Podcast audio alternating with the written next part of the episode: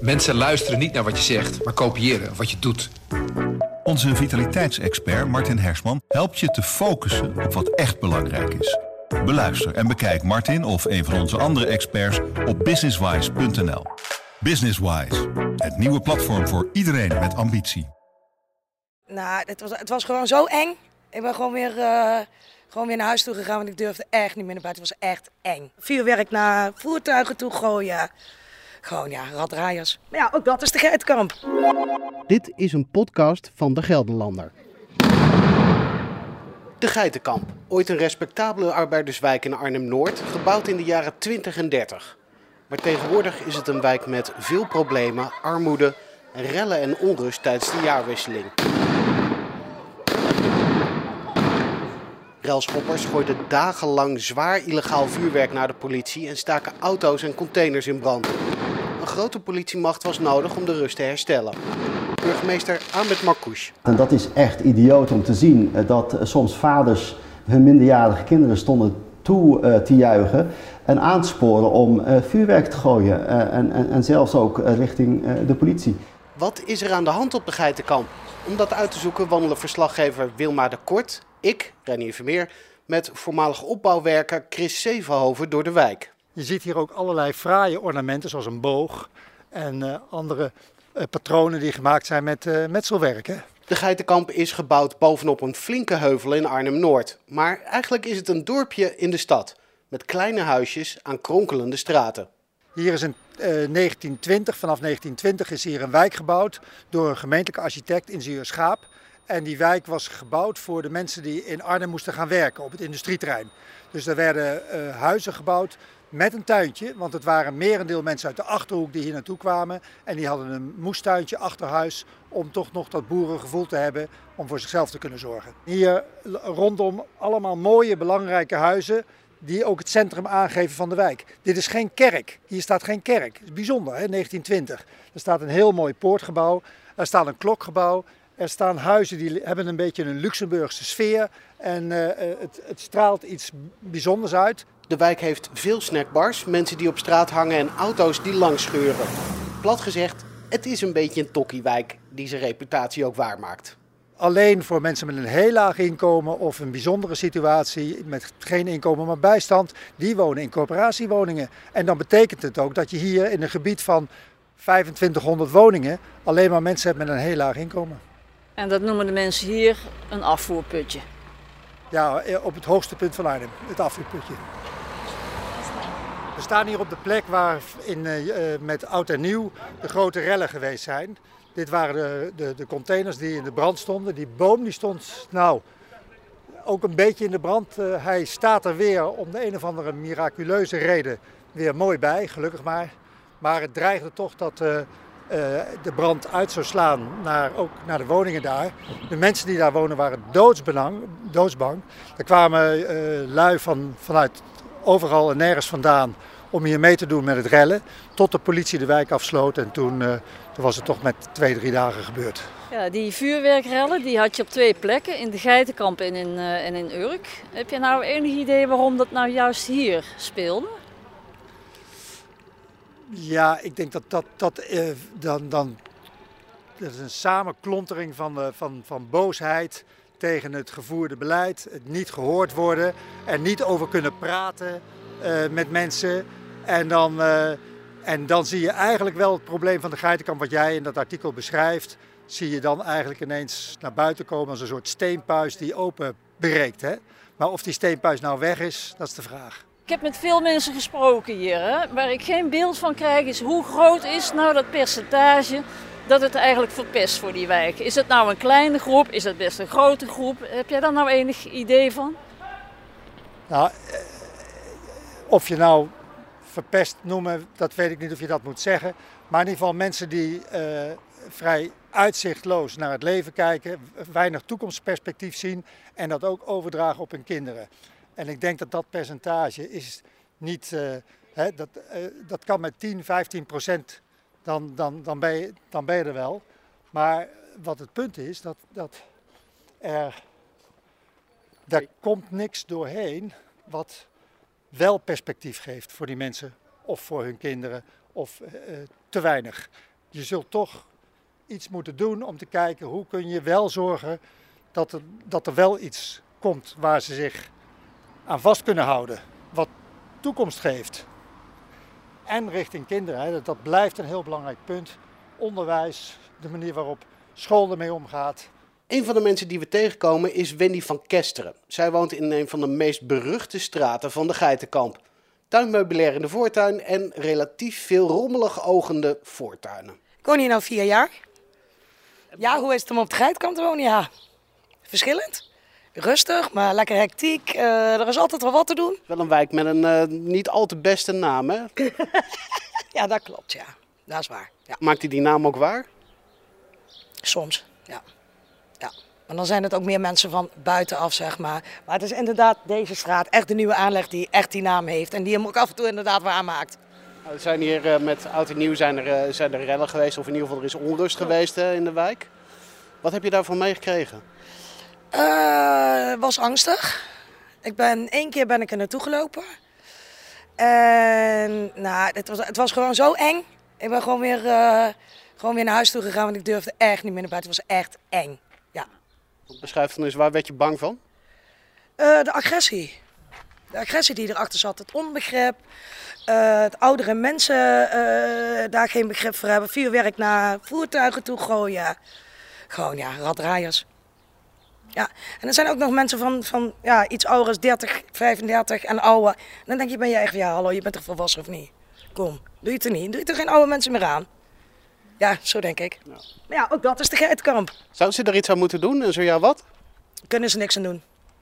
Het enige wat ze kunnen doen is eh, ja, gewoon proberen te handhaven, erop letten. Maar ik denk, vrees dat ze er weinig aan kunnen doen. Het zijn de beelden die je krijgt als je met mensen hier op de Geitenkamp praat. Hè? Mensen voor, die kunnen heel fijn, prettig wonen. En aan de andere kant zijn ze ook af en toe overdonderd door wat er dan gebeurt. Als die steenpuist uit, eh, uitspat, nou, dan gaat hij weer even dicht. En dan, dan is het weer gesust. Maar je zult, wil, je het, wil je het echt aanpakken, ja, dan moet je met structuur komen. En niet met eh, pappen en nat houden. Je bent, hey, je bent lekker op tijd. Twee uur. In multifunctioneel centrum De Wetering ontmoeten we een geitenkamper die zich jarenlang heeft ingezet voor de wijk. Ik ben eh Helmer Mus, voormalig eh, buurtmeester, ploegbaas, woonomgevingsploeg eh, aansturend hier op de Geitenkamp. Hoe lang heb je dat gedaan? Twintig jaar. Zo. Ik eh, ben geboren en getogen op de Geitenkamp. Ben er wel even af geweest. Toen zat ik een velp. Maar met vier jaar was ik weer terug op de Geitenkamp. Zo. En hoe oud ben je nou, eh, als ik vragen mag? Ik word nou 73. Zo. Dus je hebt eigenlijk wel de Geitenkamp. Het is nou 100 jaar, hè, bestaat de wijk. Heb Ja. je daar een heel groot deel van meegemaakt? Ja, natuurlijk. Hoe vind je dat het nu met de wijk gaat? Hoe- Slecht. En, en wat gaat er dan slecht? Is de sfeer of... Eh, de sfeer, de samenhang van de bewoners. Ja? Want er zijn nog oude bewoners waar ik nog even achteraan loop. En even in de gaten hou van eh, of dat er goed gaat. En als het niet goed gaat, ja, dan moet ik de thuiszorg bellen of iets dergelijks. Of Er wordt de minder naar elkaar omgekeken, bedoel je dat? Ja. Nee, dat eh, interesseert ze helemaal niks. Ik zal, ik zal niet zeggen alle bewoners zijn zo, maar het grootste deel is wel zo. En dat komt gewoon omdat je andere mensen in de wijk krijgt uit een andere wijk. Die dat niet gewend zijn. Aha. En dan kun je tegen ze blijven praten. Maar op een gegeven moment ben ik dan uitgepraat, hè. Ja. Want ik word nou eh, zo dadelijk 73. Ik heb, ik heb er ook geen zin meer in, laat ik het zo zeggen. Je hebt ook geen stok meer achter de deur. Chris was altijd met stok achter de deur. Oké. Ja. Hey, en eh, eh, qua criminaliteit, hè? Want, Oh, daar hebben we zat. Hadden we vroeger al. oh, altijd gehad. Ja, altijd. We zetten de kerstboom op Marktplein, hadden een mooie kerstboom eh, besteld. En dan kwamen de jongens de boom er neerzetten en de lampjes erin. En anderhalf uur later waren de lampjes eruit. Ik hoor ook veel over drugsdealers.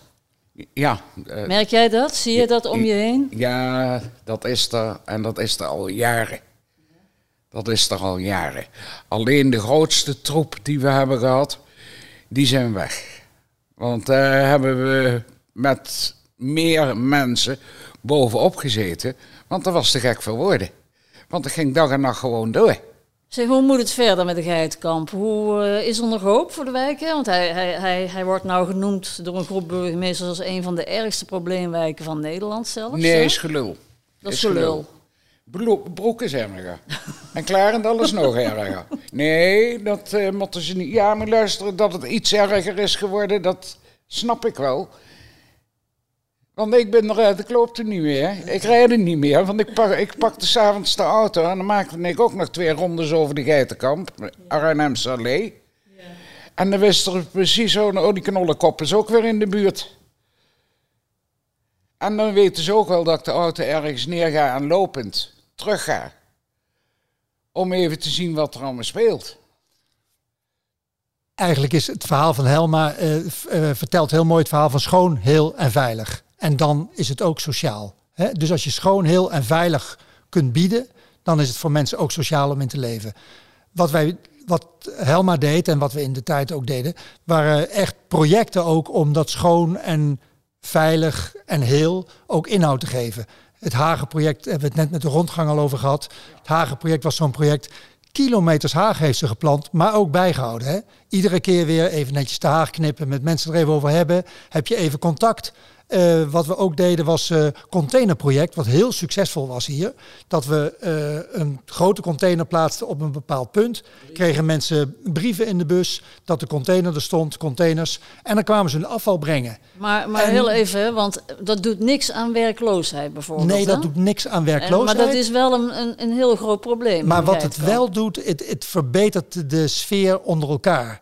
Het aanspreken van elkaar. Zij hadden dan altijd eh, een, een dag dat ze bij de container stonden. Met koffie en thee. Er kwamen ook anderen bij. Sociaal werk sloot daarop aan. Dus dat was een punt waar mensen elkaar ontmoeten. En even een gesprek. Hoe gaat het ermee? En op die manier ontstond er wel een soort netwerk van hoe kunnen we het met elkaar doen. En dan zul je daarin gericht mensen moeten helpen, perspectief moeten bieden, kinderen perspectief moeten bieden.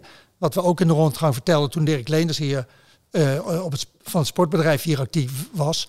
Die deed ontzettend veel voor, voor dat pedagogisch aspect van die kinderen. Nou, die aandacht heeft de wijk nodig waar de burgemeester op doelt. Als je dat weer gestructureerd terugbrengt en een plan maakt hoe je een aantal van die woningen door die eenspersoons huishoudens kunt, kunt, eh, een plek kunt geven in die woningen, dan kom je weer een stuk verder.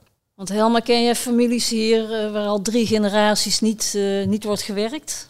Dus opa geen baan, pa geen baan, kind oh ja, geen, nooit hier. gewerkt. Ik zeg altijd, ze zijn te lui te werken. En als ze dan zeggen, ja, maar er is geen werk, dan zeg ik van, nou, je, ben- je bent nog achterlijker dan achterlijk. Ga maar naar een, eh, een eh, hoe heet zo'n bureau? Uitzendbureau. Want ze hebben werk zat. Maar hoe, hoe krijg je dat nou veranderd? Als dat zo in zo'n familie zit, al drie generaties van wij werken niet. Hoe, hoe kan je dat nou veranderen? Dan Maar verander je toch niet met de wijk De sociale dienst moet dat veranderen. Dan ze maar hout gaan ruimen in het bos. Ja, ik ben wat dat betreft heel kort door de bocht hoor. Want ik zeg maar zo van, eh, wij hebben altijd eh, zo dikke zweet op de kop gehad. En altijd natte t-shirts.